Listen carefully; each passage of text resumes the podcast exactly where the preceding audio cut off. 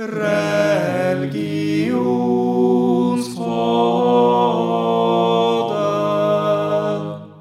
Ja, men hei! Hei. Hei sann. Hei, velkommen tilbake. Takk for den. Det, dette er en slags uh, katarsis-episode hvor vi skal uh, gjøre opp for uh, våre synder. Fordi denne episoden spiller vi inn den før eller etter den andre episoden? Vi spiller jo den inn etter. Gjør det. Men vi viser masse til i den episoden om Kants moralfilosofi. Ja, så for deg som skal lytte, hør på denne først. Ja, så stadig vekk Så hvis du har hørt den andre først, så hør på den her først. Fordi der viser vi masse til den her. Og det, nå må vi jo lage enda en episode, sikkert. Fordi det som er problemet, er at vi viser til den, men vi har ikke hørt den nå før vi lager den her. Så det kan hende vi viser til ting vi ikke ender opp med å si her allikevel. Men det er samme. Nå lager vi den episoden som vi trodde vi hadde spilt inn, er vel poenget, da. Fordi vi trodde vi hadde lagd en episode vi, om Kants epistemologi fra før, men det hadde vi ikke gjort. Nei. Men det gjør vi nå. Eller når, vi, når du hører den episoden, så har vi jo lagd den. Ja. Selvfølgelig. Men dette her er jo et paradoks, bare for å frempeke Kant. fordi han sier jo at eh, det er helt intuitiv kunnskap, nærmest. At alt skjer i, med årsak, virkning og en eller annen form for rekkefølge. Allikevel klarte ikke vi å forstå det. Nei, så det kan hende at vår At vi ikke, Kanskje vi, ikke vi er ikke en del av den transcendentale kunnskapen. Vi er ikke, vi er ikke autonome mennesker, vi har for mye fjas i huet. Men kunnskap, ja. Morsomt. Morsomt. Ja, så dagens plan da, er jo å forklare hvordan Kant, Immanuel Kant, den mm. tyske filosofen, forholder seg til hvordan man kan få viten om verden. Ja. Hva er kunnskap, og hvordan når man den? Så er dere klare for det? Det er vi klare for. La oss forsøke. Skal vi, skal vi si noe om Kant generelt først? Lite grann kan vi si at han er jo filosof i opplysningstida, senere opplysningstid. Født i 18, nei, unnskyld, 1724 og daua i 1804. Blei gode 80 år der. Eller jeg vet ikke om det var gode, men han blei 80 år i hvert fall. Eh, Var veldig opptatt av vaner. Og, Opptatt av vaner. Han var vanedyr. Vanedyr. Og han, eh, og han er jo et barn av sin opplysningstid, eh, med, med fokuset på å finne ut av dette med fornuft. Mm.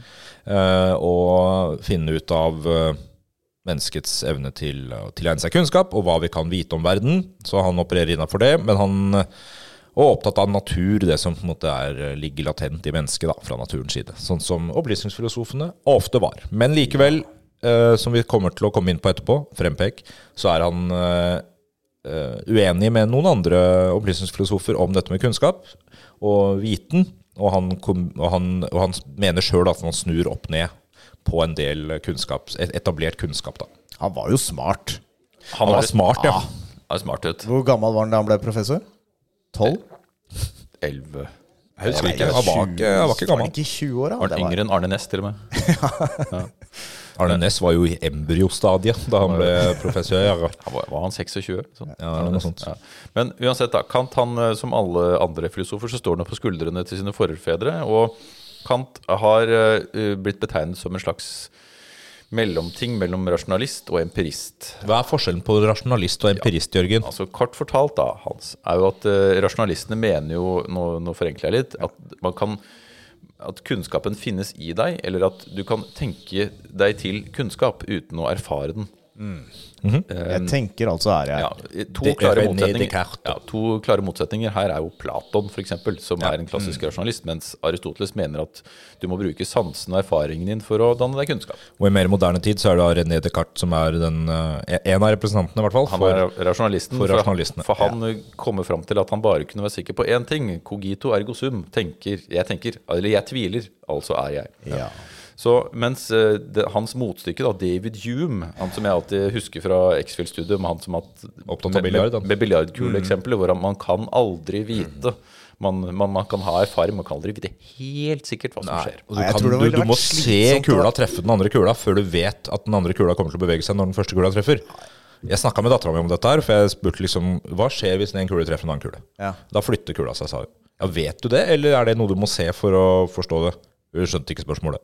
Nei. Um, hun er fem år, da. Så hun er ikke professor ennå. Hun er ikke professor ennå, og dette er, det er skuffende. Men uh, det Kant gjør Han gjør flere ting.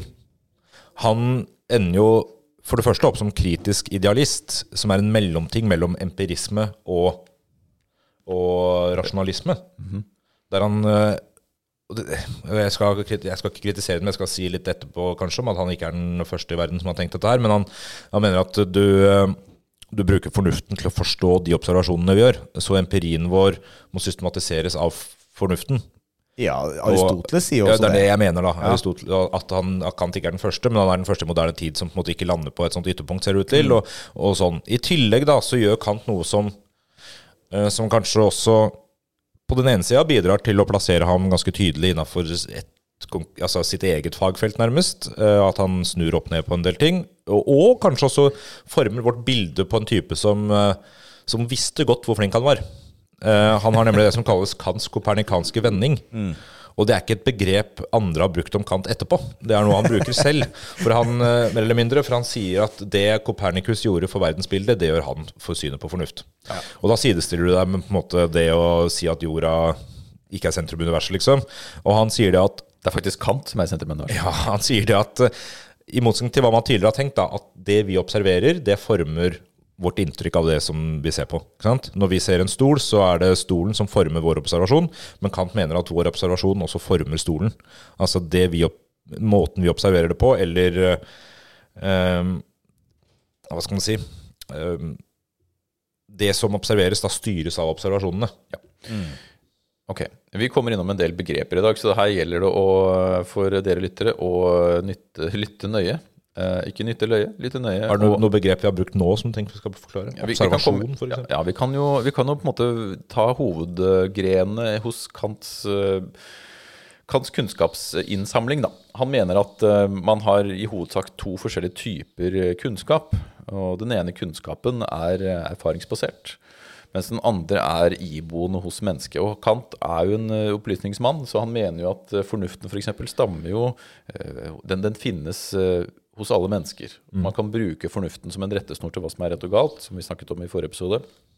Eller tidligere episode, avhengig av hva du hører på først.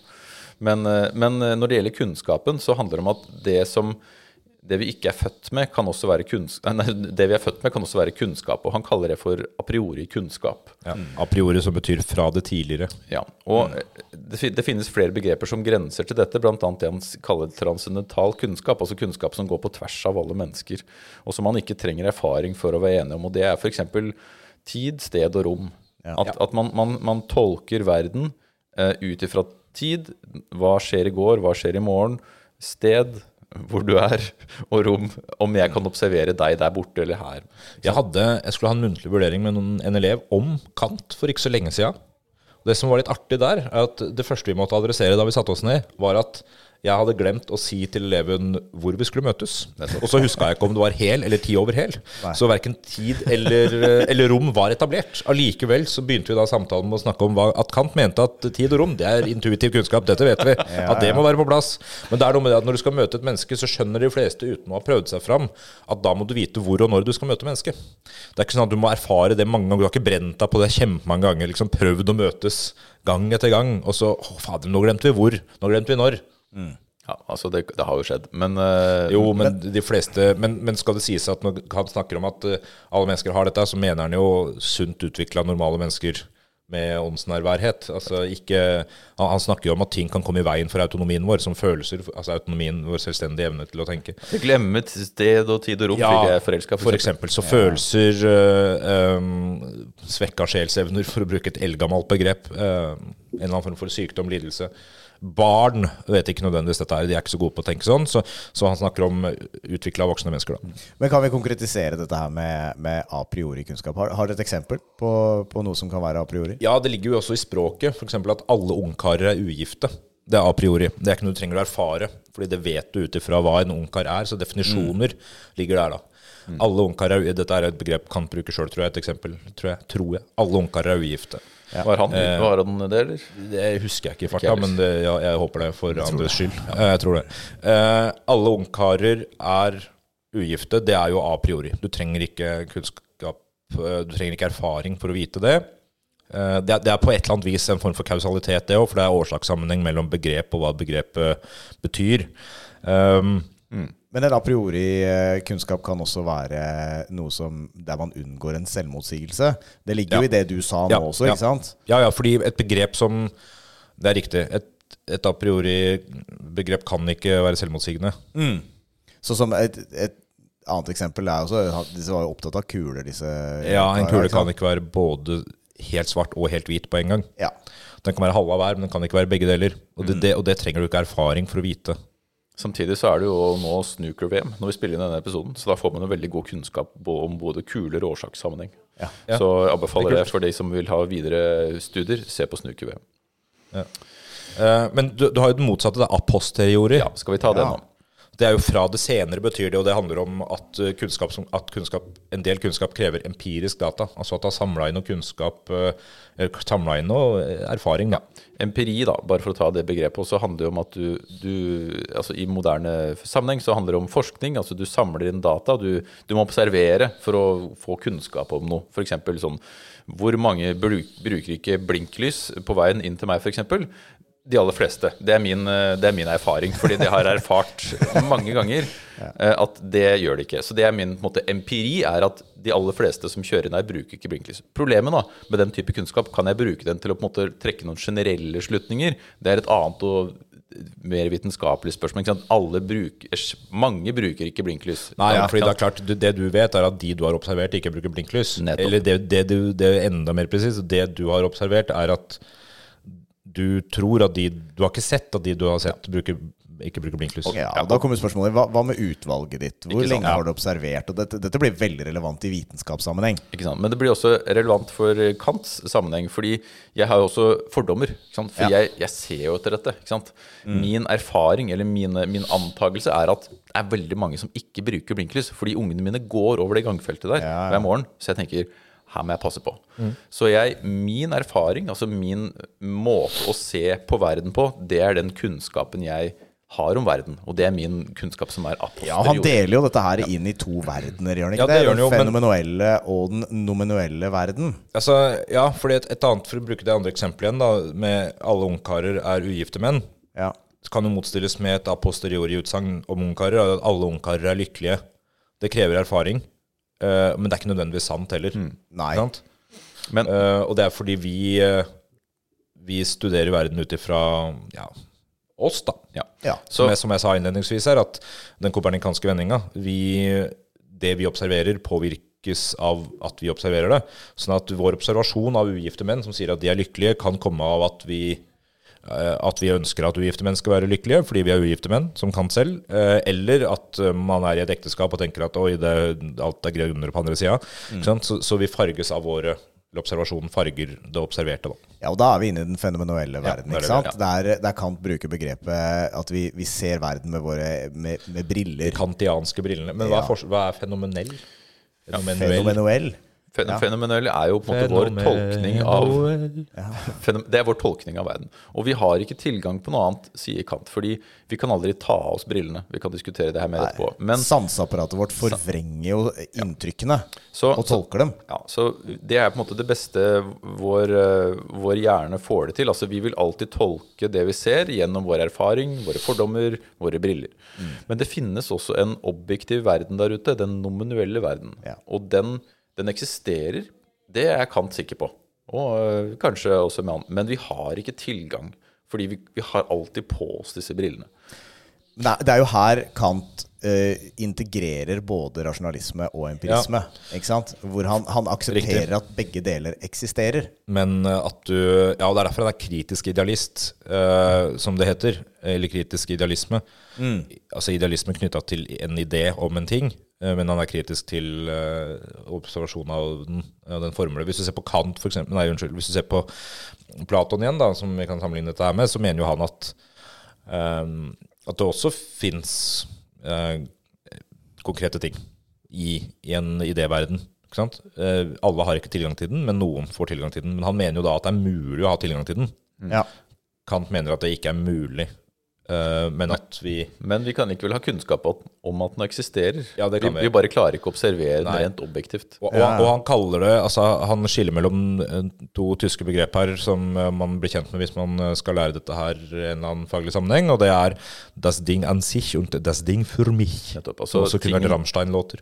Ting i Eh, seg selv, Ja, og, tingen slik jeg ser den. tingen for meg. Ikke sant? Kan vi observere noe objektivt? Nei, er det han mener. Men han mener likevel at det fins. Og dette her uh, Her er han f.eks. mer moderat enn en som het uh, uh, Barclay. som mente at eh, ting faktisk ikke eksisterer utenfor vår observasjon av det. Ja, Og Barclay er en sånn irriterende type som, eh, som det er veldig lett å være uenig i, men helt umulig å motargumentere. Fordi du kan si at eh, jo, selvfølgelig fins det, jeg ser jo at det fins. Ja, ja, men det, er fordi du ser det at det fins, da. ja. Ikke sant? Fader heller, det går ikke an å motargumentere det, så det er egentlig bare en, en overbevisning, mer enn noe annet. Eh, Kant mener at dette er å trekke det litt langt. Jo, den fins, men du har ikke tilgang til akkurat hva det er.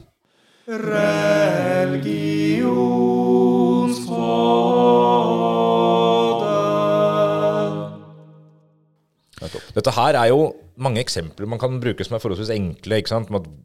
De, fordi man snakker om at man ser verden gjennom sine briller, så, så kan vi ikke vite at en når, når vi tre ser en rød rose, så kan ikke vi vite at vi ser det samme. Vi kan ikke vite at vi observerer rødfargen likt, selv om vi har samme begrep om den.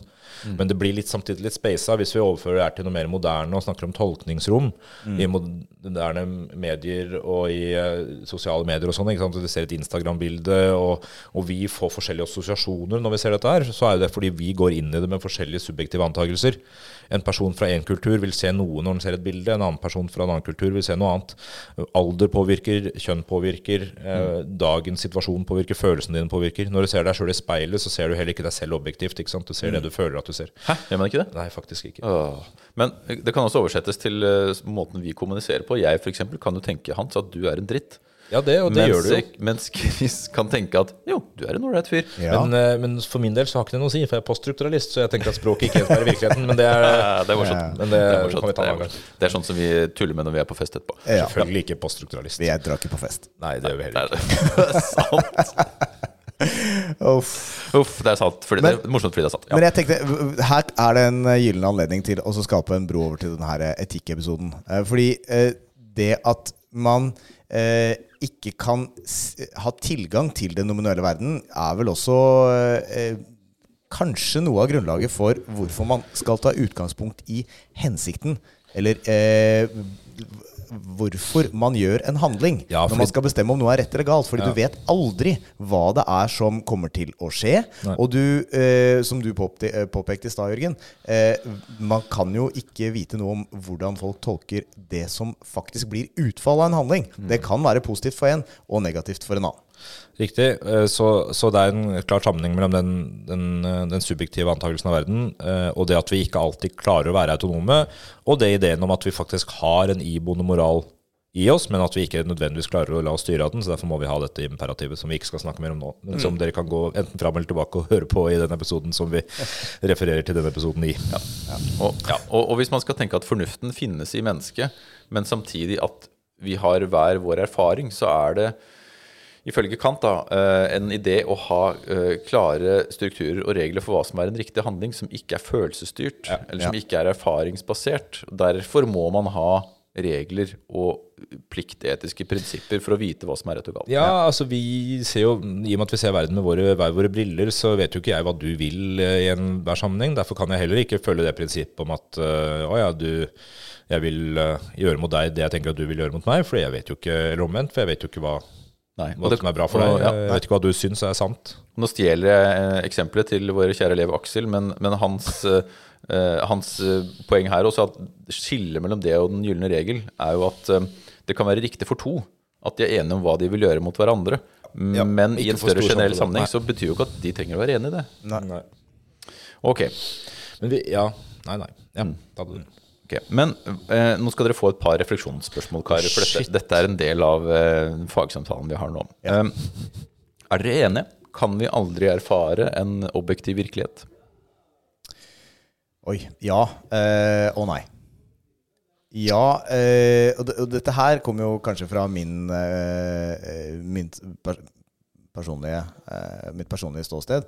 Eh, og, og da dras vi igjen bort Har du ikke allerede svart på spørsmålet, egentlig? Ja, fordi, ja, du kan observere det objektivt, men det er bare noe jeg mener.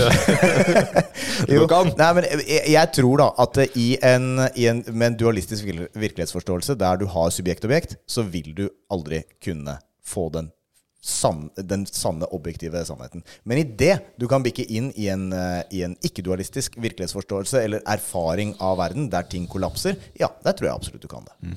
Buddhisme. Hashtag. Nettopp. Hør på buddhismeepisoden. Hva mener du, Hans? Kan man observere virkeligheten slik den er? Ja, så det, det kan godt hende at jeg, jeg kan stille meg bak tanken Chris kom med der, at i en uh, ikke-dualistisk uh, verdenssyn så er det mulig. Men, men i all man ikke nødvendigvis har tilgang til den, så blir det litt på samme måte som at man ikke har tilgang til den objektive kunnskapen. Så, så det blir litt som det Kant sier, da. At på et eller annet tidspunkt så kanskje man får det. Litt som hos Platon, ikke sant. Ja. Uh, men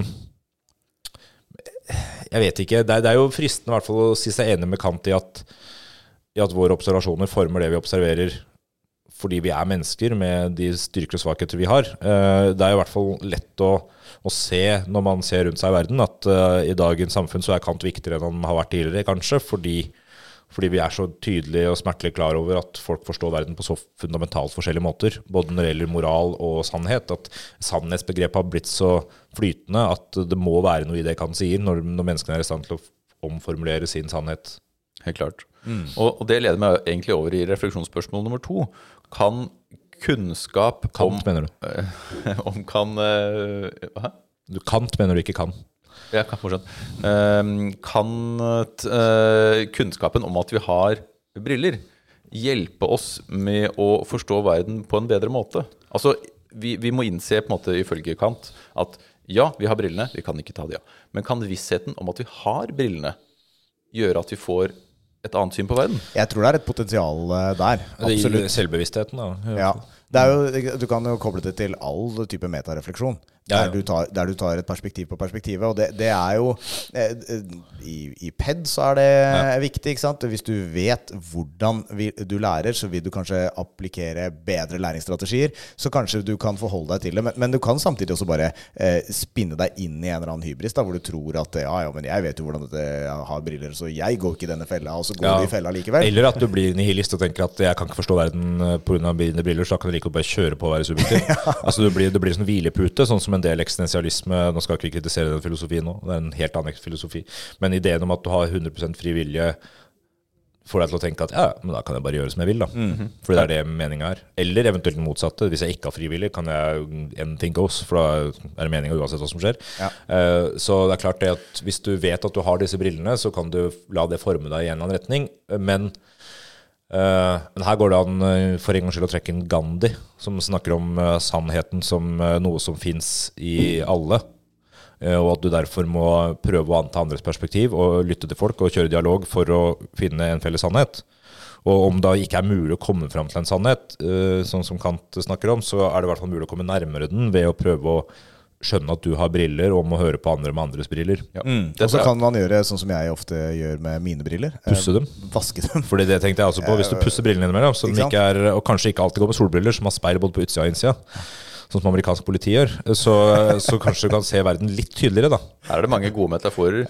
Eh, bare trekke et konkret politisk eksempel. Dette her er jo grunnsteinen i norsk utenrikspolitikk. I det siste Kant? Nei, det, det du sier med, med Du var innom Gandhi, ikke sant? at man, man oppfordrer til dialog.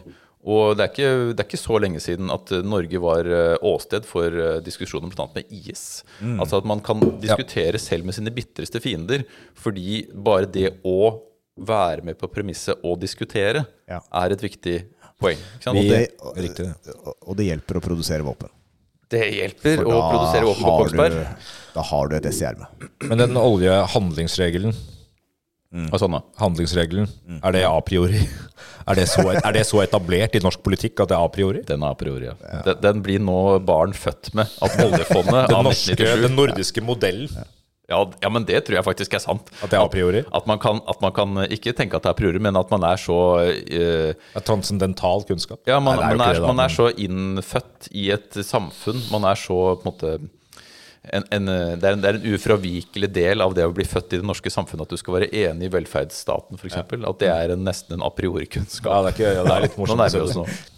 Ja, ja. Nei, men eh, ok. Da har vi snakket oss gjennom eh, det vi snakket oss gjennom eh, en annen gang, som vi ikke vet om vi snakket oss gjennom. Fordi episoden finnes i hvert fall nå, når du hører på den. Så nå er det en form for årsak-virkning eh, der. Så et a priori utsagn er en episode kan ikke ha vært spilt inn både før og etter en Det er annen helt riktig. eh, episode. Nei, men nå er, nå er den i hvert fall spilt inn etter. Og da vet vi at den eksisterer rent transcendentalt. Vet vi ikke det? Vi trenger ikke noe erfaring for å erfare Jo, det. For vi nå vet vi at, nei, vi må erfare det, for vi har erfaringa ligger jo etter vi har spilt den inn. ja, men nå er er den jo spilt inn, for nå hører jo lytterne på. Ja. Nettopp. Men uh, takk for uh, innsikten, karer. Uh, som alltid hyggelig å diskutere filosofi med dere. I like måte. Jeg tror vi kanskje skal la være å si noe om hvilken episode som kommer neste gang. det. Tryggest å la være å si det. Men i Kants ånd så tror jeg vi nå skal ta lunsj ved å røyke en lang pipe og drikke en kopp med svak te.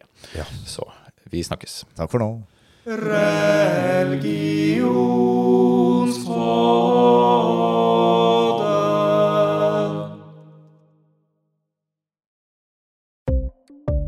Ukas annonsør er Folio, som er en smartere banktjeneste for deg som har en egen bedrift, eller som ønsker å starte for deg selv. Alle vi som har prøvd det, vet jo at det kan være ganske mye å holde styr på, ikke minst i forhold til banken.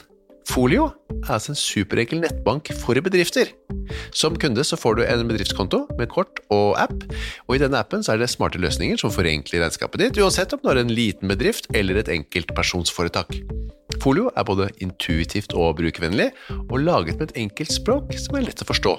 Og så er det forutsigbare priser og ingen skjulte gebyrer. Og skulle du likevel eh, ha behov for det, så kan du snakke med ekte hyggelige kundeservice-mennesker, i motsetning til litt mer eh, robotaktige chatboter som du gjerne møter andre steder. Folio er med andre ord både enklere og koseligere enn banken. Over 10 000 bedrifter har allerede valgt Folio som sin banktjeneste, så besøk folio.no og se hvordan folio kan forenkle din hverdag også.